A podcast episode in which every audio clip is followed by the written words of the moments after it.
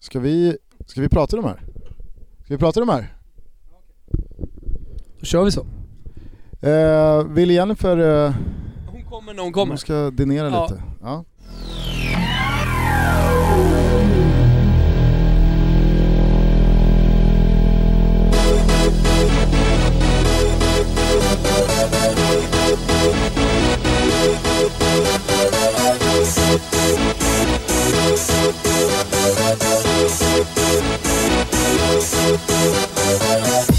For this?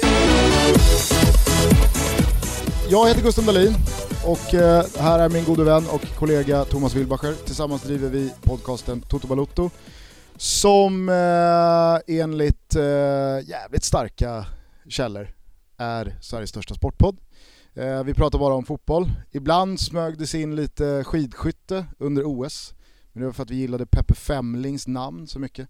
Men annars är det uteslutande fotboll och folk som har följt Thomas genom åren vet att eh, hans hjärta ligger i Italien.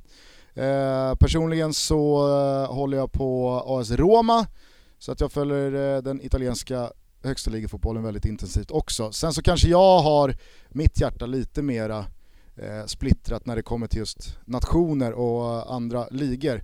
Men eh, vi eh, sitter numera i samma båt som IMG och Strive, som jag genom den här filmen förstod var då en kombination av orden streaming och live.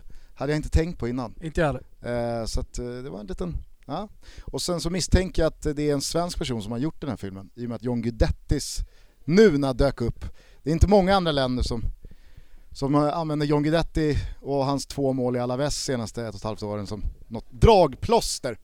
Eh, Thomas, eh, Jag kan berätta fortsätt. kort bara vem, eh, vem jag är för er som inte känner till mig. Jag började skriva på Svenska fans eh, 2002 i samband med att jag, 2003, eh, i samband med att jag eh, flyttade till Italien och Florens, eh, dit eh, mitt hjärta på något sätt tog mig för att jag eh, gillade Fiorentina och sen kände jag för en ny utmaning och ett nytt äventyr. Eh, tanken var att jag skulle vara där i ett par månader eh, och känna lite på det, sen så blev jag väl mer eller mindre kvar fram till 2009 när min dotter föddes. Eh, sen hittade jag lite jobb eh, som eh, innebar att jag fick fortsätta åka tillbaka till Italien eh, samtidigt som jag hade någon slags övertalningsprocess på min, min eh, flickvän att vi skulle bo där. sen blev det aldrig så. Utan nu, nu är vi hemma i Sverige och nu har jag tre stycken små tjejer här och är så djupt rotad. Jag brukar säga det till Gusten att jag längtar, längtar härifrån Sverige hela tiden. Eh, men jag kommer aldrig härifrån. Jag tror att det blir någonting som jag får leva med. Eh, nej, och sen så ledde svenska fans eh, starten av Solo Calcio. Det var faktiskt precis när jag grundade Solo Calcio. Jag skickade ett mail till eh, de som jag tyckte var bästa skribenter på Svenska fans Italien-redaktion och frågade om eh, de hade lust att eh, starta den, den enda egentligen, den första eh, helt dedikerade Italien, italiensk fotbollssidan. För det fanns ingen då. Eh, och det blev Solo Calcio och sen så har jag, nej just det precis, i samband med det så fick jag ett samtal från eh, grundaren av Svenska fans, eh, Anders Nettelbratt som hade blivit chefredaktör på Sporten på Expressen där han frågade om jag ville börja skriva lite lätt där. Eh, när, man, när man gör saker så öppnas lite dörrar. Så jag har gjort TV, eh, vart värvad till eh, Discovery från TV4 och såg en ljus TV-framtid. Eh, jag fick börja göra studios och massa spännande grejer. Sen kom Gusten emellan eh, som gjorde att jag inte fick vara kvar på Discovery och eh, sen började vi göra den här podcasten och sen dess så, så är det i stort sett, eh, alltså tillsammans med Expressen så är det det jag gör alltså. Eh, nej men, eh, och tanken idag här, det är att eh, vi, vi pratar upp eh, framförallt eh, Serie A.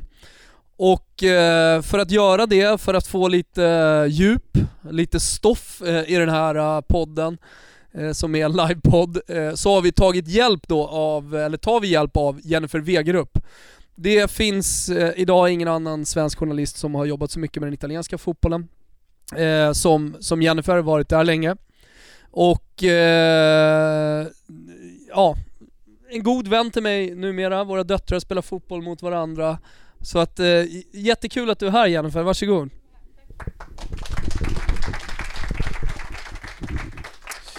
Mm. Ganska, eh, ganska grundbeskrivning av vad du gör med tanke på att du nyss hemkommer från två veckor eh, som utrikeskorre för eh, eh, Sveriges Television. Eh, du har precis lanserat den här boken eh, här i dagarna som heter eh, Det ljuva fotbollslivet, guiden till den perfekta italienska fotbollsresan. Arenorna, matchbiljetterna, sevärdheterna, supporterbutikerna, spelarnas favoritrestauranger, träningsanläggningarna. Innan du bara kort beskriver den här eh, så måste jag säga att jag får, och det här är, det här är ingen skarv, jag får 10 frågor på mail eller via messenger eller någonting om dagen eh, kring eh, Italien, man ska till Turin, Milano, Roma, eh, vad det nu är. Vart ska jag gå och käka? Hur köper jag matchbiljett? Eh, och så vidare. Äntligen Jennifer, så kan jag bara säga, tjacka det ljuva fotbollslivet, så, så, så behöver jag inte svara. Ja, nej men så att eh, bortsett från att eh, jag också kommer slippa svara på tusentals mejl, vilket jag i och för sig gärna gör, så hoppas jag faktiskt att det är en bok som folk ska kunna ha, ha nytta och glädje av. Och sen är det krönikor och minnen och bilder och sådär. Eh, får jag börja med några korta frågor till Jennifer? Absolut. Eh, missade du någonting av Thomas tidiga år i karriären? I hans lilla recap här. Jag tror att det var Eh, något halvår där du missade som vi inte fick glasklart för oss vad du Vi gjorde. kan ta det sen Ja. efter. Om du har några funderingar kring vad Ja. Thomas gjorde där våren 04 så svarar han på det i Jag köket känner sen. att det blir svårt att sova i natt om jag inte vet det, men vi tar det innan jag går då. Eh, hur mår Italien idag? Dagen efter den rasade bron i Genoa. Nej, det är ju tungt såklart. Eh, jag skulle egentligen varit där och jobbat, men just igår så hade SVT någonting som heter sina korrespondentdagar, när alla korrar från hela världen samlas och har konferenser och har middag på kvällen och sådär, så därför var jag inte där. Det är alltid så här, det låter kanske konstigt, men när det händer sådana här saker vill man ju vara på plats och jobba som, som ni vet. Eh, men jag har pratat mycket med folk och för det första är det en tragedi och för det andra är det någonting som inte borde fått ha hänt, eh, som har hänt naturligtvis på grund av dåligt underhåll, det gamla vanliga korruption, fiffel. Ehm, men jag hörde nu att den nya regeringen sa också att den här gången ska det inte vara så att något sånt här händer och sen finns det inga skyldiga utan nu ska vi ha namn, efternamn, folk ska avskedas och folk ska i fängelse. Det här ska inte få hända i ett modernt land. Hittills är det 39 döda varav tre barn och de kommer säkert att hitta fler personer under de här gasmassorna. Hur eh, kommer det påverka första omgången? här? Ja, det återstår ju att se rent praktiskt men det är definitivt känslomässigt för detta är ju eh, en landsorg också, någonting väldigt stort. Och sen så bortsett från allting annat så är det svårt med transporterna i den delen av landet just nu eftersom det var en sån avgörande väg. Mässingleden skulle falla. Ungefär precis faktiskt. Ehm, så att de har ju tillsatt någon sån där kriskommission just för- vad det gäller transporten som går in i sådana här lägen. Hur ska man lösa flödet av trafik i den delen av Italien just nu? Och långsamt försöka öppna upp tåg och andra vägar. Och så är det ju dessutom italienarnas midsommarafton idag, Ferragosto. Eh, väldigt många som har trafik, eller som har semester ute och går på sig. Mm. Nej, men för jag vet att eh, man eh, ställde ju eh, återstående delen av omgången när Fiorentinas lagkapten Astori tragiskt gick bort i våras. Men det har inte varit på tal att skjuta upp premiären. Jo, det har pratats om då framförallt särskilt vissa matcher då, Genoa, Samp och så. Men vi får se vad som händer. Det senaste jag hörde var ingenting bestämt. Jag vet inte, har du hört någonting Nej, annat? det, det, det man kan säga är att, eh, alltså kring det, att eh, en sån här sak också påverkar fotbollen. Och att Albin Ekdal kom till eh, Genoa i måndags och eh, igår så genomgick han läkarundersökningen. Faktiskt exakt samtidigt, Eh, eller i måndags så gjorde han läkarundersökningen men sen så skulle han skriva på. Eh, jag pratade med hans agent där, Klättan sa ah, vid halv elva någon gång att han satt och korrekturläste avtalet att eh, det var en timme bort och att klockan 12 så skulle Sampdoria göra det officiellt. Eh, och sen så 10 i 12 så, så hände det här och eh, han är fortfarande mig veterligen i alla fall inte presenterad. Eh, så allting som har med fotboll att göra har eh, lagts åt sidan. Det man gör är ju välgörenhetsaktioner, jag vet att man har börjat samla in pengar. Donera Eh, blod också ja. och sådana saker. Mm. Eh, se- se- Men sen någonting om man ska koppla lite till fotbollen som jag tycker är fantastiskt och som, som folket i Ligurien är eh, dels rutinerade med men också kanske förebilder och väldigt bra på. Det, det är att det tar ju två sekunder och sen så är hela stan nere och hjälper till. Eh, jag kommer ihåg när det var eh, jordskred kring Cinque Terre i södra Ligurien mot Toscana. Eh, och eh, ultrasfalanger från egentligen hela Italien kom dit och hjälpte till att gräva för att i vissa lägen så behöver man bara mankraft. Vi behöver folk som har en spade i handen som hjälper till att, gräva upp. Eh, och eh, jag såg precis när jag var på vägen hit, när jag satt i broöppningen, eh, att, att flera ultrasfalanger runt om i Italien redan har grupperat sig på väg upp med bussar för att hjälpa till. Och, och det, det är fantastiskt. Det är fantastiskt och det är ju fotbollens enande kraft. Tyvärr kan det vara söndrande ibland men det är ju det bästa som vi ser där verkligen. Um, det senaste jag hörde nu så hade de varit tvungna att avbryta ehm, räddningsarbetet um, därför att det finns risk att uh, en annan bropelare rasar. Så vi får se. Det här, det här kommer tyvärr vara en eh, lång och sorglig historia. Ja, verkligen. Och jag tycker att det är såklart när sånt här händer så blir det som en blöt filt som läggs över något så banalt som idrott och sport och fotboll. Men om det nu ska sparkas igång en säsong så känns det ändå som att eh, den är värd att prata om lite extra. För det känns som att det är en speciell upplaga av Serie A 18-19. Det kanske mest uppenbara av allt, Cristiano Ronaldo, av många ansedd vara världens bästa spelare, går till Juventus efter tre raka Champions League-titlar i Real Madrid. Hur skulle du vilja beskriva den transfern i symbolvärde för Serie A och italiensk fotboll?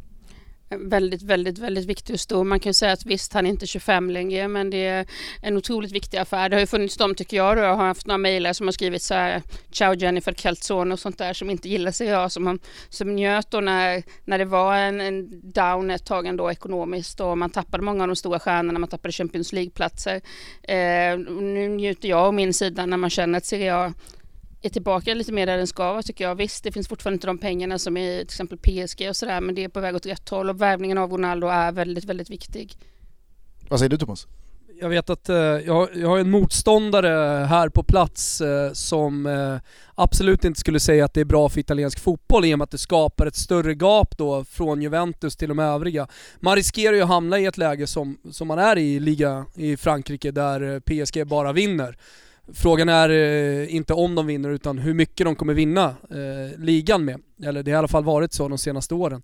Det är klart att det finns en risk att det blir så, men jag vill i alla fall tänka lite positivt eh, och jag vill också tro att värvningen av Cristiano Ronaldo gör så att de andra lagen anstränger sig ännu mer. Eh, att de anstränger sin ekonomi, de jobbar kanske eh, några timmar extra per dygn för att, eh, för att in, det gapet inte ska bli för stort, att Juventus inte ska vara överlägsna. Och vi måste gå tillbaka redan till förra säsongen. Juventus Eh, fantastiska åkte ut mot Real Madrid eh, i den här kvartsfinalen precis på slutet. Eh, det är ett lag med Max Allegri som tränare som har varit i final två gånger och som absolut är topp 5-klubb i, i Champions League-sammanhang. Eh, och ändå så är Napoli med och krigar långt fram. Eh, Inter tappade det tidigt. Kollar man på vad som har hänt i sommar, bortom Cristiano Ronaldo-värvningen, så har ju Inter steppat upp rejält. Uh, Inter har tagit inte bara ett kliv framåt utan flera kliv framåt. Jag vill någonstans också tro att, uh, att Inter kommer jobba ännu hårdare för att närma sig Juventus bara på grund av att de har värvat Ronaldo. Eh, I min värld så tror jag liksom alldeles oavsett, oavsett vilken bransch man, eh, man är funtad i, inte minst i fotbollsbranschen där allting handlar om resultat kortsiktigt, eh, att till exempel då intresset för Modric att man var på väg, som man säger i Italien, att liksom göra una folia, galenskap och, och lägga ut pengar som man egentligen inte hade, kanske till och med tänja på, på regler och så, fair play-regler. Eh, har, har med Cristiano Ronaldo-värvningen att göra. Eh, den enda klubben egentligen som, som, som helt skiter i det här och som inte har gjort någonting eh, och som då blir eh, eh undantaget som får bekräfta min lilla regel här, det är ju Napoli eh, som, uh, som halkar efter, som inte värvar, men, men det har ju med deras president att göra. Men som sagt, jag, jag, jag tror att hela Serie A lyfter, det blir ett intresse för Serie A som är större. Eh, I framtiden så kan eh, Strive ta 89 kronor eh, i månaden eh, för, för, att det finns så bra spelare och alla vill se det. Eh, man har absolut tagit ett steg närmare 90-talet när eh, Serie A var en stor makt på, på ett helt, eller var ledande inom, inom fotbolls-Europa. Eh, och jag tycker också mig se intressanta projekt bakom de, de stora lagen, alltså om man, om man då pratar om Atalanta, Fiorentina, Sampdoria till viss del. Vilka lag har utöver Juventus fångat din uppmärksamhet den här sommaren? Dels Roma av naturliga skäl. Jag fick åka blixtsnabbt för eh, Sportnytt och, och jobba när de värvade Olsen och det tycker jag är väldigt roligt. Vi behöver ju bra svenska spelare i Serie A. Eh, Milan, där känner jag mycket folk sedan Zlatans tid så de har mycket kontakt med och jag märker att de är på gång igen. Eh, ny optimism, eh, nytt folk i pressstallet. Bland annat jobbar en ny eh, duktig kvinna nu som heter Laura Bandinelli som är gift med Luigi Galando som är en av de högsta personerna på Gazzetta dello Sport. Jätteduktig, man märker liksom att det börjar komma in mer mail och saker igen. Det är sådana små saker man märker inga fler eh. Silencio Stampa från Milan. det vet man aldrig men, eh, men man märker att de har någonting på gång så jag tycker det är kul. Och, ehm, så Napoli är Napoli som du säger. Jag var precis nere en vecka och gjorde lite nyhetsjobb i Neapel. Och allting är galet och ingenting fungerar och samtidigt är det helt underbart. Så eh, Eh, de fångar på något sätt alltid min uppmärksamhet. Och sen för att återknyta till Juventus och det du Thomas säger. Jag ser lite på Juventus som loket som drar den italienska fotbollen. Man kan ju tycka mycket om Juventus. det eh, Även många som tycker illa om Juventus. Men antingen så är man nöjd med att alla ligger på ungefär samma nivå och kan vinna Serie A. Eller så för att fortsätta uppåt och vara med i de internationella sammanhangen så behövs Juventus. Och eh, tyvärr kommer de ju fortsätta dominera länge. Det har ju också mycket att göra med att de har helt andra pengar, de har sin egen arena. Och nu har de ju precis öppnat upp sin helt nya träningsanläggning som ni säkert vet, eh, Continassa, som är ett helt område med ett hotell där laget ska bo och övernatta då innan eh, hemmamatch. Men där också folk kan komma och bo i en del av hotellet och få en Juventus-upplevelse. Och där är nya mediacenter. Här och- United 99. Ja, jag vet. Men i Italien, så, så du vet ju själv, liksom, eh, så, så är det stort. Och de hade ju nyss invigt Vinova och det är bara några år sedan de har varit där och ändå så kör de på redan. Så att Juve är på en helt egen nivå. Vad ingår i en Juventus-upplevelse? Ja, nej men Nytt blod? precis. Eh, Svart och vit rent blod. Nej men... Det är Eh, intressant det där med tränings, träningsanläggningar. Jag kommer ihåg när Prandelli var tränare Fiorentina. Då hade eh, i Campini, alltså de, de två planerna som Fiorentina tränade på, precis bredvid Artemio Franchi arenan, eh, var ganska sunkiga och faciliteterna också. Då kommer jag ihåg, då pratade han, han var väldigt tydlig eh, kring det här, att om Fiorentina skulle bygga ett eget sportcenter, alltså som var ett proffsigt sportcenter, inget vulgärt och inga hotell och sådana grejer, men ett, ett proffsigt sportcenter, så skulle Fiorentina få sju poäng mer varje säsong. Och han nämnde det här så många gånger så att det var liksom inpräntat. Fan, om vi bygger det här sportcentret och blir klart, då har vi sju poäng mer. då är vi ju Champions League varje säsong. ja, Men det blev aldrig något. Nej, och det är ju samma Napolis nya, det, San Paolo skulle varit färdigrenoverad redan. Och gud vet när det blir klart, de har gjort lite granna. Och det är ju Juventus stora fördel och skillnaden mellan Nord och Syditalien också. Nu när jag var på nyhetsjobb i Neapel så var vi vid ett område som ligger väldigt centralt där man ser ut över vattnet och sådär. Ett jätteområde värt så mycket pengar som helst. Det var perfekt att ha en stadion där nere. Eh, där ligger en övergiven stor stålindustri, den har varit övergiven i 32 år. Vi hade med oss en fixare då när vi jobbade, jag och fotografen, för det är så pass farligt att röra sig själv i vissa områden i Neapel. och då sa han då, ja ni förstår ju själva för det här står här sedan 32 och varför man inte bygger någonting. Eh, ni vet ju vem den här marken tillhör, det är Camorran och det kommer aldrig byggas någonting här. Och där har du problemen och också skillnaden. Juventus rör sig i en helt annan verklighet i Turin och även i Milano. Men ju längre söderut du kommer desto svårare har de också att göra de här investeringarna som behövs. Eh, jag tycker eh, Jennifer nämner en eh, spelare vi måste stanna till vid, Robin Olsen, svenska landslagsmålvakten som Måste alltså... vi stanna till vid Robin Ja men det tycker jag ändå. Jag skojade ju lite här om John Guidettis mer eller mindre tveksamma dragningskraft. Det finns ett par svenskar i Serie A som inte heller har någon större liksom, eh, magnetism runt Det är sig. inte därför Strive kommer flyga, för att eh, Oskar Hiljemark finns i Gävle. Jag, jag såg inte heller Filip Helander dyka upp eh, mellan Ronaldo och Messi i den här promon. Men Däremot Sampa Gustafsson i He- Hellas, där har ni fan. Ja, Någonting. sen så blev Emil Kraft blev väl utlånad här nu till något franskt ängagäng. Men att Roma värvar en svensk landslagsmålvakt för över 100 miljoner, eh, vad, vad skulle du säga att det säger om eh, Robin Olsen och vad är det för status på att vara första målvakt tilltänkt i ett lag som Roma? Framförallt personligen så tycker jag att det är intressant det där när man ser på spelare före och efter en övergång. Ehm, jag har aldrig tänkt speciellt mycket på Robin Olsen, alltså jag har inte reflekterat så mycket över alltså, vad han är för typ av målvakt. Spelade i division 5 för, eh, om jag inte minns, läst fel här, Så jävla nio trött år sedan. alla de här gamla division 5-grejerna. Micke Nilsson spelade division 5, det tre år senare var han, i nämnas. landsli- var han i landslaget. Eh, eh, eh, Vardy. Ja, men det är ju bara för, jag, jag, jag, jag tror att det bara är för att du själv har en bitterhet från liksom vad som hände på nio år efter din sväng i division 5. Ja, jag hade, hade, jag hade trots allt eh, ett riktigt bra år i Lodos Novanta i södra Florens där, där vi vann eh, Prima Categoria. Vet ni vem som vann Prima Categoria precis? Ni som är riktigt Italien-frälsta, bara se nivån. Chevanton. Chevanton vann Prima Categoria, så jag och Chevanton, vi är liksom Fan, på något sätt det, det buksvågrar. gör någonting skevt med din självbild. Men då måste jag ju också Jag har varit på samma nivå Jag har som spelat i Chevanton. Serie B med Inchisas damlag. Det är du. Mm. Incisa Valdano. Vi, eh, I Incisa, Valdarno, det här är alltså söder om Florens eh, i Toscana. På tal om det här sportcentret. Där köpte eh, Diego Della Valle, alltså eh, Fiorentinas ägare och president, en stor eh, vingård eh, och marken även bredvid. För att där skulle Fiorentinas sju poäng sportcenter bygga. Eh, det är fortfarande bara en vingård, fortfarande Fiorentinas ägare men det enda som kommer därifrån det är inga bra fotbollsspelare utan vin. Så det finns i alla fall ett Fiorentina-vin. Robin Olsen då?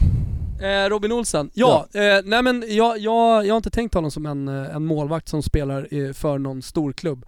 Verkligen inte. Sen eh, har han varit jättebra i svenska landslaget, men är man i FC Köpenhamn så faller man bort från min radar i alla fall. Eh, helt plötsligt nu när jag ser honom eh, i en Roma-dräkt så tänker jag honom som en, ja, men en, en jättebra målvakt och, och tror att han kommer göra det jättebra i Roma. Men det, det är liksom, jag, får då, jag har egentligen bara sett honom i, i det svenska landslaget så att jag har jävligt dålig koll på vad, vad, han är. Men, men det finns ju en viktig sak med, med målvakter.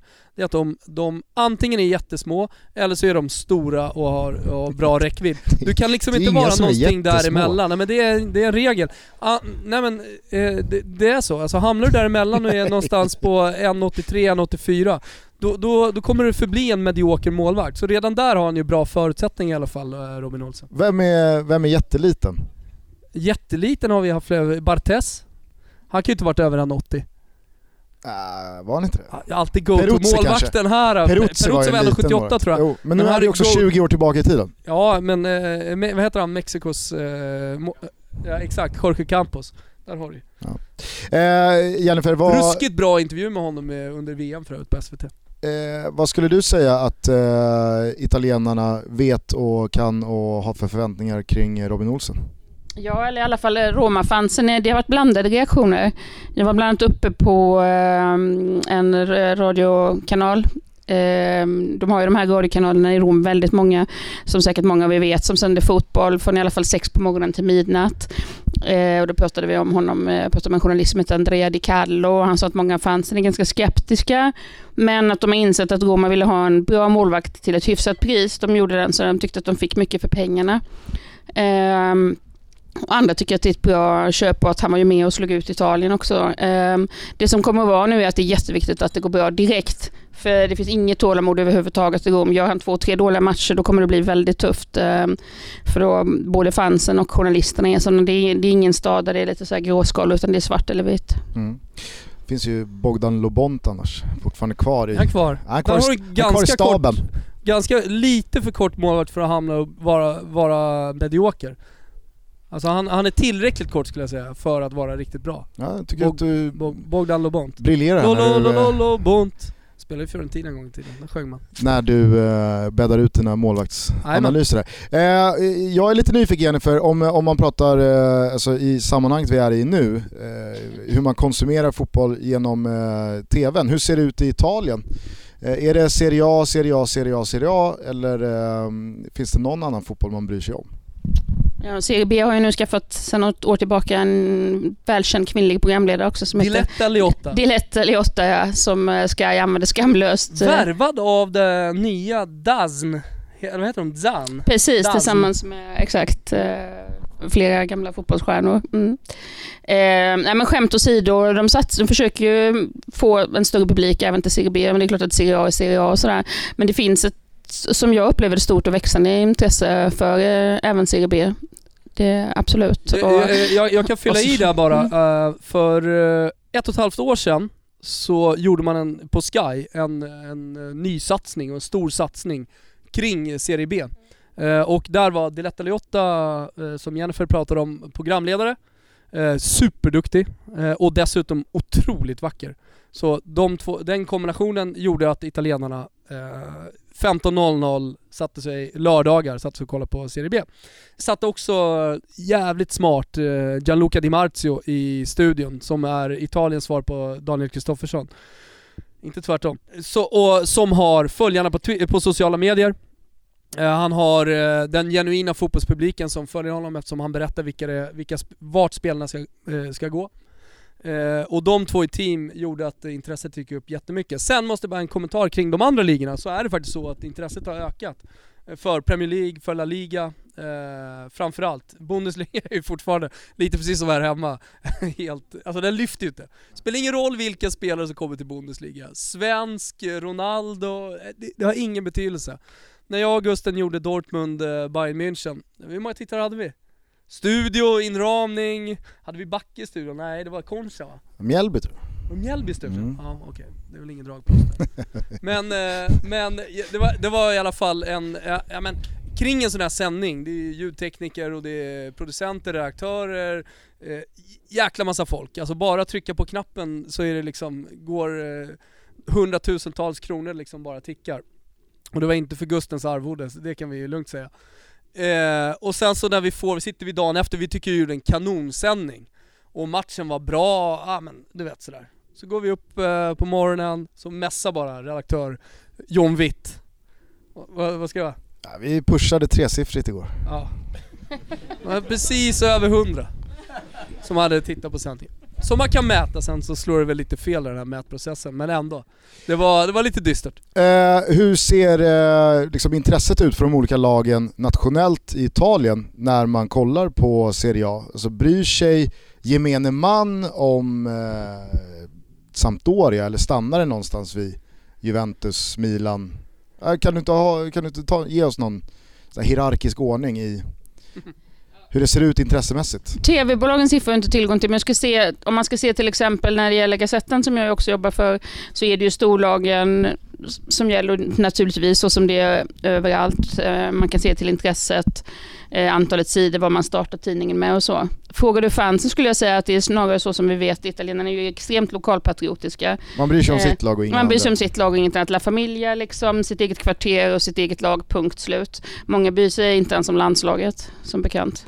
Nej, och det, det gäller ju även media i Italien. Eh, som du säger eh, med La Gazzetta dello Sport som ändå är en nationell tidning som alla köper. Eh, men liksom de trogna fansen, de 20 000 som köper säsongsbiljett, de köper ju den lo- lokala, lokala varianten av Corriere dello Sport, alltså Stadio. Så är du i Rom så köper du Stadio, eh, Stadios Romdel. Är du i Florens så, så köper du Florens eh, Stadio och så vidare. Men intressemässigt så är Juventus överlägsna. Alltså om du kollar TV-mässigt. Ja, jag tänker bara på hur det ser För ut här det, hemma. Så... det är ju inte, det är ju inte ett lag från Turin, det är ju ett, eh, ett lag framförallt från södra Italien, där, där de är starkast. Men över hela Italien egentligen. Mm. Nej, för jag tänker ju här hemma så är det väldigt många allsvenska supportrar som ja, men bara bryr sig om sitt lag. Sen om det är från Malmö eller Göteborg eller AIK eller, eh, eller från Stockholm eller vad det nu kan vara. Det, är- Men jag skulle det säga är inte till exempel Men man ser, man ser ändå, man tycker ju att en match som IFK Göteborg-Norrköping, det är en jätteintressant match att kolla medan en match mellan Trelleborg och Kalmar, den vaskar man. Ja, men jag tror att det är exakt samma sak. Du kan väl sätta karbonpapper, sen är det fler invånare i Italien. Eh, vissa matcher, ett Genoa-derby är klart eh, folk som är fotbollsintresserade. Och man är lite mer fotbollsintresserad i Italien, eh, sätter på. Men, eh, men jag skulle säga kring eh, eh, Juventus, Inter, Milan. Alltså slår du upp Gazettan, då är det nästan alltid det är eh, antingen Inter eller eh, Milan som är först och sen så bråkar väl de supporterna också om det är en Inter-tidning eller, Eller Milan-tidning beroende på hur ägarstrukturen ser ut. Nej men så är det och de har ju också sin centralredaktion i Milano och inte i Rom. Sen har man en stor redaktion i Rom också. Men Corriere Sport är ju som vi vet de mer Rombaserad och Totosport. Ehm, Juventus, det är, Juventus nästan fel. en, en, eh, det är nästan en svenska fans redaktion eh, eh, Totosport som har blivit lite större. Juventus svenska fansredaktion.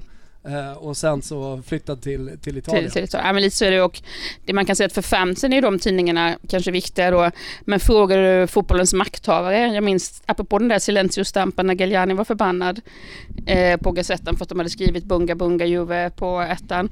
Eh, men då hänvisning till Berlusconis eh, äventyr med unga damer.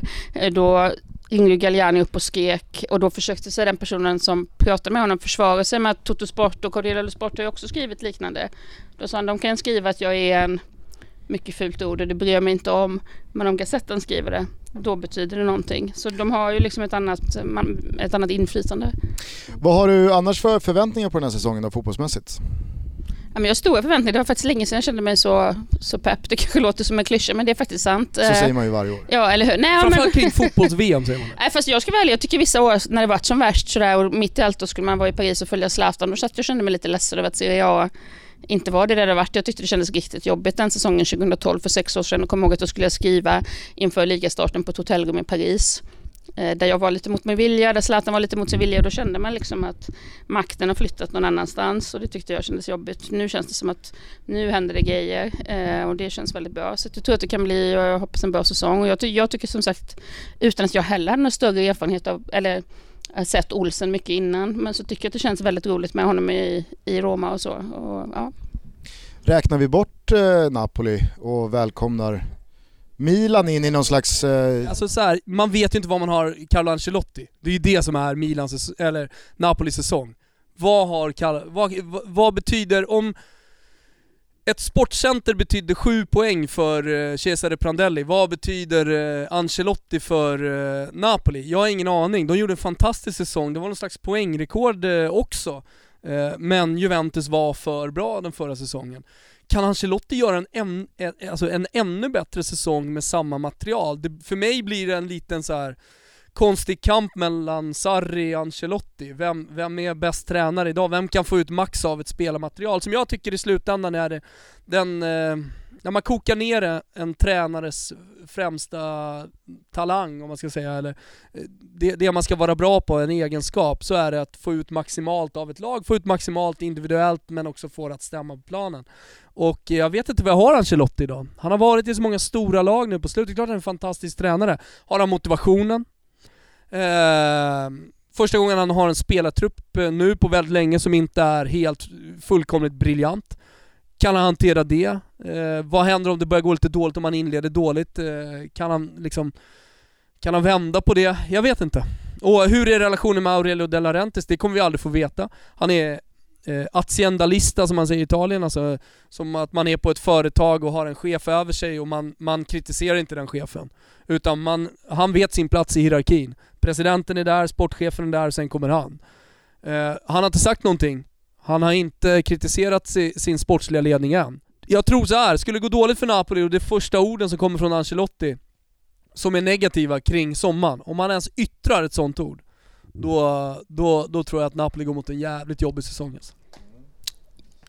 Eh, jag tror att eh, det kan vara bra för Ancelotti just att han kommer till en klubb som Napoli just för att han kan ha varit eh, kanske lite mätt. Det har varit så mycket storlag, han har uppnått så mycket. Eh, mycket kan man säga om Napoli, Neapel, men tråkigt är det aldrig. Så att jag tror att det kan vara precis den nytändning han behöver. Och det jag skulle vilja säga framförallt skulle det bli en bra säsong, det han behöver ju nerver mot slutet. Jag tror att Visst, Juventus var starka, men hade Napoli haft lite mer is i magen mot slutet av säsongen så tror jag ändå att de kunde varit med längre. Nej men de vann ju den där bortamatchen mot Juventus Exakt. och då återstod väl fyra omgångar och 12 poäng kvar att spela men det var som att det var och klart. Sen, och så tappade de det. Ja, sen där... går väl Koulibaly ut och tar rött kort efter sex, sex, minuter. Och så var det över. Och så var det över liksom. Ehm, och där kanske Ancelotti kan vara bättre på att nu tar vi ut händelserna väldigt mycket för allt kan hända, men jag menar det, det, det var synd. För jag var såhär, åh, jag ska åka till Neapel och vara där när det, när det hände. Mm. Ja. Eh, tror ni eh, Inter eh, kommer eh, med en allvar med ja. sin titelstrid? Kolla på hur de såg ut förra säsongen under hösten. Fantastiska. Jag trodde att de skulle vara med och kriga längre, jag tror inte de skulle vinna, men de skulle vara med i alla fall fram till april eh, i toppen och utmana.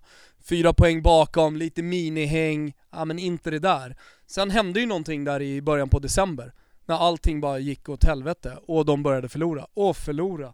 Eh, mycket märkligt och märkligt också att Spalletti inte lyckades lösa det och det är problemet med Inter. Alltså Spalletti, som många säger, kollegor, eh, folk, eh, alltså trä andra tränare, sportchefer och så vidare, hyllar Spalletti, fantastisk tränare. Eh, och sen så återkommer man alltid till det där, men kan han föra ett lag till en, till en titel, till en stor titel, till en ligatitel? Jag är fortfarande tveksam, men tittar man bara på det här på pappret, kollar man på den elvan som Inter kommer ställa upp med, oavsett vad som händer de kommande två veckorna innan fönstret stänger, så ser jag ändå dem som den största utmanaren till, eh, till titeln. Eh, det har varit några, det, det är det som är roligt, eller roligt, det är inte så kul för Inter-supportrarna men sen 2010 när man vann trippen med Mourinho, då har det ju varit mörker. Eh, och så mycket pengar jag har förlorat på eh, spel på Inter. Jag har inlett, ja, men jag, jag, jag vågar knappt sitta här och jinxa för att jag har inlett varje säsong och kollat på Inter. Ja men det här kommer ändå bli bra. Det blir ändå någonting av det här Interlaget. Så jag har suttit där minus en halv, 1,80 liksom hemma mot Fiorentina och åkt på den. Det är, Eh. ja, det är livsfarligt. Tror du att det inte kommer vara med, eller eh, blir det samma gamla skiva som spelas igen? Oh, bra fråga. Man ska ju helst komma med, med tvärsäkra svar. Men jag vill vara ärlig och säga att Jag tycker, det där, 60-40, alltså, ja. jag, jag tycker eh, att eh, de tvärsäkra svaren, de är lite ute. vad jag bra, tycker men då är, då, är, då är jag inne Ja, alltså. men jag tycker det är fräscht, Mm. jag, jag är så jävla trött på experter och eh, skribenter och folk som sitter i studio som säger att de, så här är det, eller jag vet att det kommer bli så här. Det kan man ju inte veta och jag, jag tycker det finns något nytt och fräscht och väldigt 2018 över att vara så här. ja, nej, ja, man vet inte. Vi får se. Man vet inte. Och det är, Det är lite fegt och det kanske i vissa öron är tråkigt men det är också väldigt mycket mer eh, mänskligt och korrekt tycker jag att säga än att ja, så här kommer det vara. Ja, nej, och det är så jag känner och det är lite samma sak med Milan och det är det som jag också tycker att den här säsongen känns så spännande för att det är ganska många lag som det kan bli både lite Ja, det kan bli fågel eller fisk, vin eller vatten och det gör också att det känns Det kan bli hur bra som helst men det kan också bli bråddjup besvikelse och det gör ju att det känns extra intressant i alla fall om man då inte är supporter och sitter med hjärtat i halsgropen. Mm. Man kan ju prata hur mycket som helst och hur länge som helst om truppen och se framför sig ett 3-4-3 som det pratas om nu när Laxalt eh, förväntas bli klar och, och kunna täcka hela vänsterkanten. Vad fan är det med Laxalt egentligen? Alltså är det någon här inne som har följt hans sommar?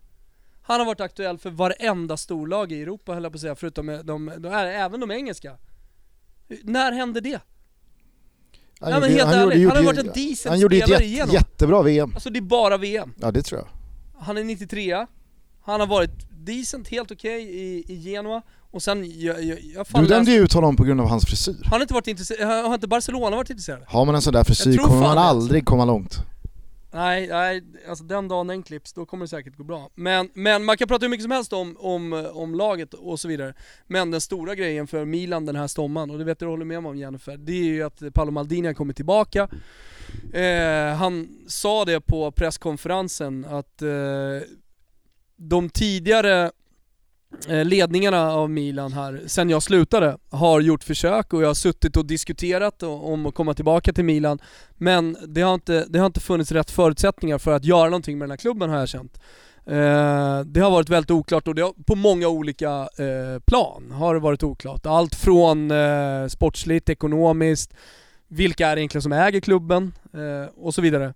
Så att han ändå har valt att komma tillbaka och att arbeta med det här laget, det är kanske inte är bra för Milan kortsiktigt, för nu har han bara varit där några veckor. Men långsiktigt så tror jag att det är fullständigt eh, fundamentalt att få tillbaka, kolla bara på hur Juventus gjorde, nu hoppar jag från det ena till det andra.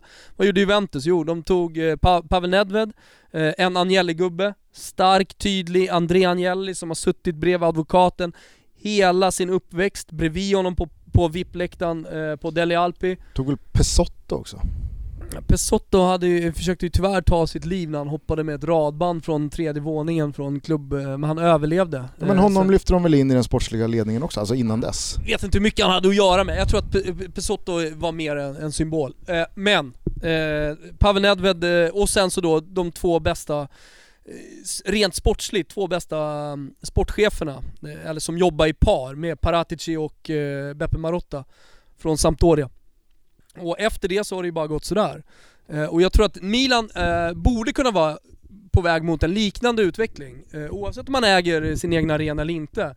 Men med, med en sportslig ledning som på något sätt har Paolo Maldini där, Leonardo där. Milan-fansen gillade inte att han kom tillbaka, de har skrivit många arga banderoller till honom, de har hatat honom. Men jag tror att det är väl, väldigt tyst från Ultras håll och det kommer vara väldigt tyst från Ultras håll när den här uh, säsongen drar igång.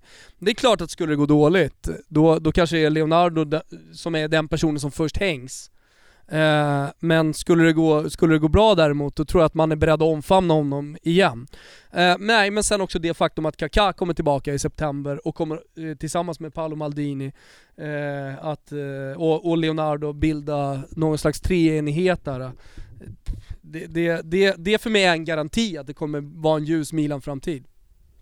Eh, vi kanske ska börja runda, eh, men jag är lite nyfiken på vad det betyder för Serie A att Parma är tillbaka, vad skulle du säga där? Det är säkert, säkert många som minns detta fina Parma från 90-talet med Thomas alltså, Brolin och Cannavaro och Turan. Det finns inget fina Parma, de har varit ett korrupt jävla skitlag från första början. De har ingen historia. Sportsligt så var det ju ett fint Parma på 90-talet. 90-talet var ett fint Parma med pengar som de inte hade. Och sen så gick de i konkurs, sen så kom de tillbaka med pengar de inte hade. Och så gick de i konkurs. Nu är de tillbaka igen. Och nu är de tillbaka igen. Äger de pengarna nu då? Nej, jag vet inte fan alltså. Nej men det, jag tycker det känns... Något slovenskt jävla skalbolag som äger. Ja, jag, nej, men jag håller med om det du säger Thomas, men jag tycker ändå det känns fint. Det är en anrik klubb. Senast jag var där och gjorde en match var Zlatan jätteförkyld, kommer ihåg när jag intervjuade honom, så här, intresseklubben antecknar.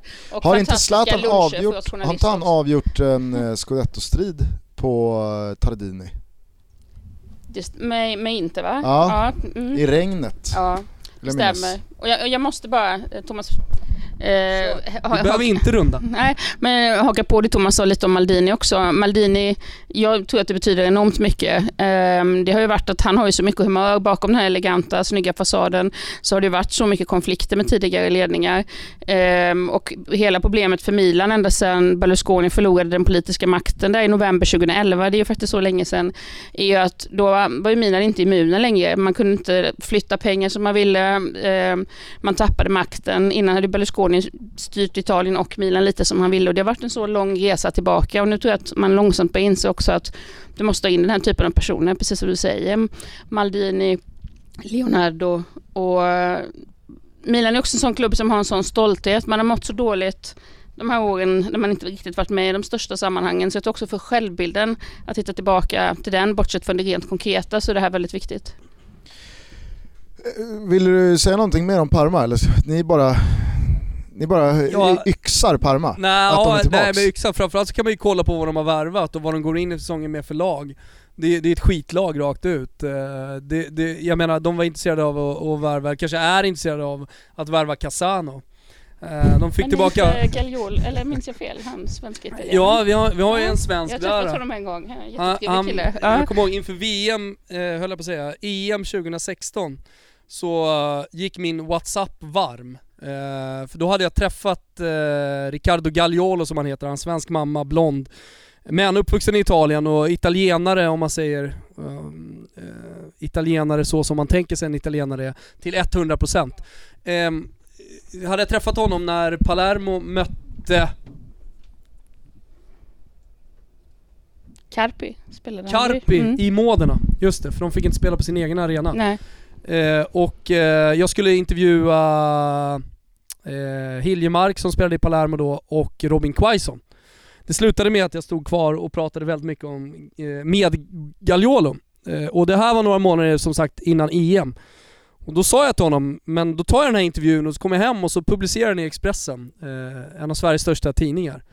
Och då såg jag han det som en, liksom, en, en öppning att eh, eh Erik Hamrén skulle läsa den här artikeln och få upp ögonen att han skulle komma med i EM-truppen. Inte helt Så. orimlig tanke i och med att Hamrén läser vad som skrivs och börjar ja, ta ut truppen efter det.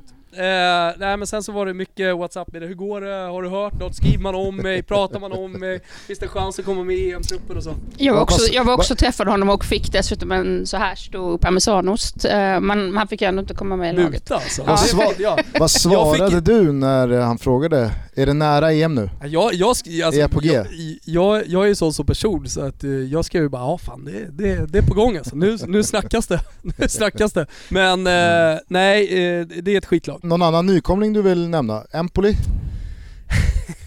Nej. Empoli, Empoli är vad Empoli alltid har varit och kommer fortsätta vara. Det kommer vara ett jojo-lag upp och ner. Det, det, det är ett gulligt lag, det, det, är det helt klart. Däremot så tycker jag att det finns någonting intressant på gång precis bakom. Vi har sett Atalanta göra slarvsylta av alla, alla kvallag nu i, i Europa League. Gasperini är någon slags garanti för Atalanta. Men man ska komma ihåg där också att han är så, har blivit så stor nu i Bergamo att han kan kritisera klubbledningen.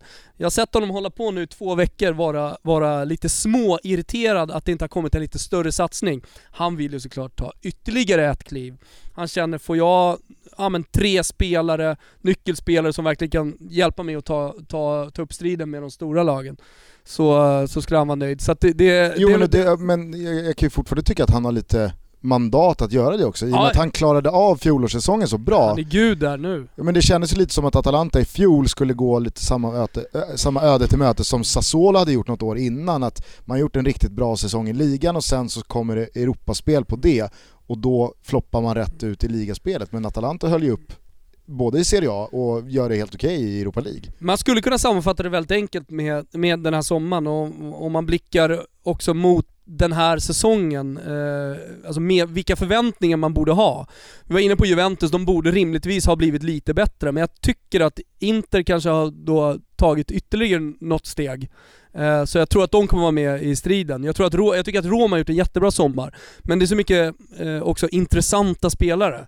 Eh, många spelare som man inte vet vad man kommer få från. Robin Olsen, han har inte varit i Italien tidigare, hur, hanterar han pressen i storstan? Du har eh, Klöivert. hur hanterar han det? Vad, vad är han för spelare på den absolut högsta nivån? Han har spelat i den pissiga, pissiga holländska ligan innan. självklart så vet man inte det innan. Och så vidare. Eh, vi har eh, Milan som har inlett någonting, men det är ju långsiktigt. Vad, vad det kommer landa i den här säsongen, det är jag osäker på. Jag tror att det kommer bli bättre i alla fall. Och sen precis där bakom, Sampdoria, är det ser inte speciellt... Eh, det, det, det, det, är ingen stor förändring, Bologna är ingen stor förändring. Eh, det är ingen stor förändring i Sampdoria heller. Jättekul att eh, Albin Ekdal är där, självklart. Men, men eh, jag ser inte dem lyfta de, de saknar fortfarande, även om jag gillar Quagliarella, så saknar de fortfarande en riktig bomber tycker jag. Lazio känns ju inte heller som ett lag som kommer ur den här sommaren starkare än i fjol. Nej, nej, kanske inte starkare, men däremot så om de lyckas behålla Milinkovic Savic hela vägen, även fast Milan är på dem och gör allt för att få honom, eh, så tycker jag ändå det är, på något sätt ger dem ett ruskigt överbetyg till den här, till den här Mercaton. Att behålla en sån spelare Eh, trots det intresset som har funnits. Men han kan väl inte hamna i Milan? Eh, men, men, men, men i Milan? Ja. Klart han kan. Jo men det vore ju som, det vore, det vore sånt ovärdigt slut det är det man på hela bort. den här... Alltså så här, det här, det här du, du resonerar helt rätt, eller jag förstår hur du resonerar. Men man får inte glömma bort, alltså Milan är Milan. I, fortfarande i många spelares ögon så är det en storklubb. Och jag menar, får du bara pengarna, då spelar det kanske ingen roll att det inte är Champions League den här säsongen. Alltså Milan är så jävla stora Gusten alltså. Det går inte att komma ifrån det. Men jag skulle vilja nämna ett lag som har i alla fall gjort en riktningsförändring. Om vi säger att Genoa, Fio, och Samp alla de här liksom bara går så här. Jättecharmigt med Fiorentinas unga satsning. Vet du vad de har för snittålder? 23,5 i truppen. Alltså, det är, det är otroligt eller hur? Ja. Och Piazza på ena kanten, Kesa på andra, Simeone fram och så vidare. Ja det kan bli ballt. Men det är liksom, det är samma riktning. Det finns ett lag som har gjort en riktningsförändring. Det är Udinese. Sen så säger jag inte att det är en bra riktningsförändring, men de har helt plötsligt börjat köpa spelare. Köpte Mandragora från Juventus för 25 miljoner euro. fan hände där? Helt plötsligt så börjar de spendera Watford-degen. Jag gillade ju Oddo Oddo-sessionen i, i vintras. Det hette ju under vintern att Milan hade valt fel gammal, alltså gammal hjälte. De ja. tog Gattuso, men de skulle tagit Oddo. Exakt. Och nu är det ingen som vet vart Oddo är ens. Eller vad Nej. gör han nu? Han har i alla fall inget jobb tror jag. Nej. Eh, har du några andra förväntningar på säsongen? Ja, jag förväntar mig att eh, Andrea Belotti kommer spruta in mål. nu lägger inte jag så stor vikt i, Låsning. i, i, för, i försäsonger. Nej. Eh, men när det gäller Belotti, som skadade sig i inledningen på förra säsongen, och således fick i stort sett hela säsongen förstörd för han kom aldrig upp i den formen, som, alltså i toppform, som man hade hoppats på innan. Men nu har han fått vara skadefri länge, Italien spelade inte VM. Han, har ba, han var grym i, i de tuffa matcherna också nu på försäsongen, de som har eh, varit som slags genrep då inför. Eh, så att eh, om inte Belotti gör 20 mål, då skulle jag vara otroligt förvånad. Och om det är någon här inne nu som vill ta mig i hand och ta ett bett på 10 lax på att Belotti gör över under 20 mål, då tar jag det direkt. Rimlig summa. Ja, Ja. så är det. Andrea Belotti, Gallo. 10 lax. Eh, Jennifer, i första omgången här så eh, har vi eh, Napoli-Lazio, Torino-Roma. Är det någon annan match du ser fram emot? Napoli-Lazio särskilt, men även som sagt eh, Olsens debut såklart. Om vi nu utgår då från att han börjar Det har ju börjat tisslas och tasslas om att han ska, han ska smygas in i Serie A. Ja, Han inte ska starta. det är lite olika bud där. Jag pratade igår med en kollega i, i Rom som tror att han kommer starta. Vi får se. Ja. Det är väl eh, Mirantes, eh, han har väl inte en räddning hittills under sommaren. Eh, precis, och det är, det är ju det som talar till Olsens för, fördel att det inte är så starkt i konkurrensen. Sådär. Men vi får se. Eh, det är väl omgången efter som det är Milan-Roma om jag minns rätt. Tror jag. Och den, den En gång i tiden så fick ju de här stormatcherna inte Ja. inleda Serie A. De första tre, fyra omgångarna var ju nästan heliga. Inga stormatcher då. Jag vet bara att Roma återigen har fått Juventus precis innan jul och i mitten av maj. För typ femte säsongen i rad. Visst är det, och det är sånt man älskar med Italien också, när, hur, hur de gillar att prata om det här och spekulera och att bakom varje verklighet finns det en annan verklighet och en mask och kanske är det någon som har varit liksom. Och sen så kollar man ju ut eh, första derbyt i Rom också. Eh, Jag tror eh, det är 28, 29, 29, ja, jag vet bara att det är slutet på september. Då bokade Svanemar in sin 30-årsfest. Förstörde allt. Fast det var ju en 30-årsfest som hade den matchen. Jo men Men då kan man inte åka ner. Jag ska skicka en Ja. videohälsning till dig. Ja, härligt. Eh, jag eh, tycker att vi har eh, stackat upp Serie A-säsongen ganska bra här nu. Vart eh, får man tag i den här boken? Det känns som att våra lyssnare skulle behöva ett utskick av de här. Absolut. Det tickar kommer- in ett par mail där, vart kan jag hyra bil bäst? Exakt, ja, det bara- finns. Det finns Man eh, sitter bara och skakar på huvudet. handikappparkeringar, det finns allt. Mm. Oj, oj, oj. Ja, och var du kan eh, gå som sagt. Jag vill se just den här spelaren, var brukar han gå och käka? Eh, Den kommer finnas på eh, Adlibris på nätet och den kommer finnas... Jag måste säga, din mickteknik nu är Ja. otroligt Okej. usel. Ehm, för, förlåt Gusten. SVT's Eh, uh, Italienkorre. Nej men um, skämt åsido, de kommer finnas på Adlibris och eh, Akademibokhandeln med flera bokhandlar. Eh, men jag tror att förlaget räknar mest med nätet för att det är smidigt. Men den kommer att finnas bokhandlar runt om i Sverige också. Fan vad härligt, vad, vad kul det var att prata med dig igen. Detsamma. Eh, ha det så trevligt i Italien eh, när du nu åker ner igen. Mm, och tack. Så ses vi snart igen. Ja. Eh, vi hörs imorgon igen. Ja det gör vi. Broöppning, eller inte. Vi får se. Ja, vi får se. Ciao tutti! Ciao tutti.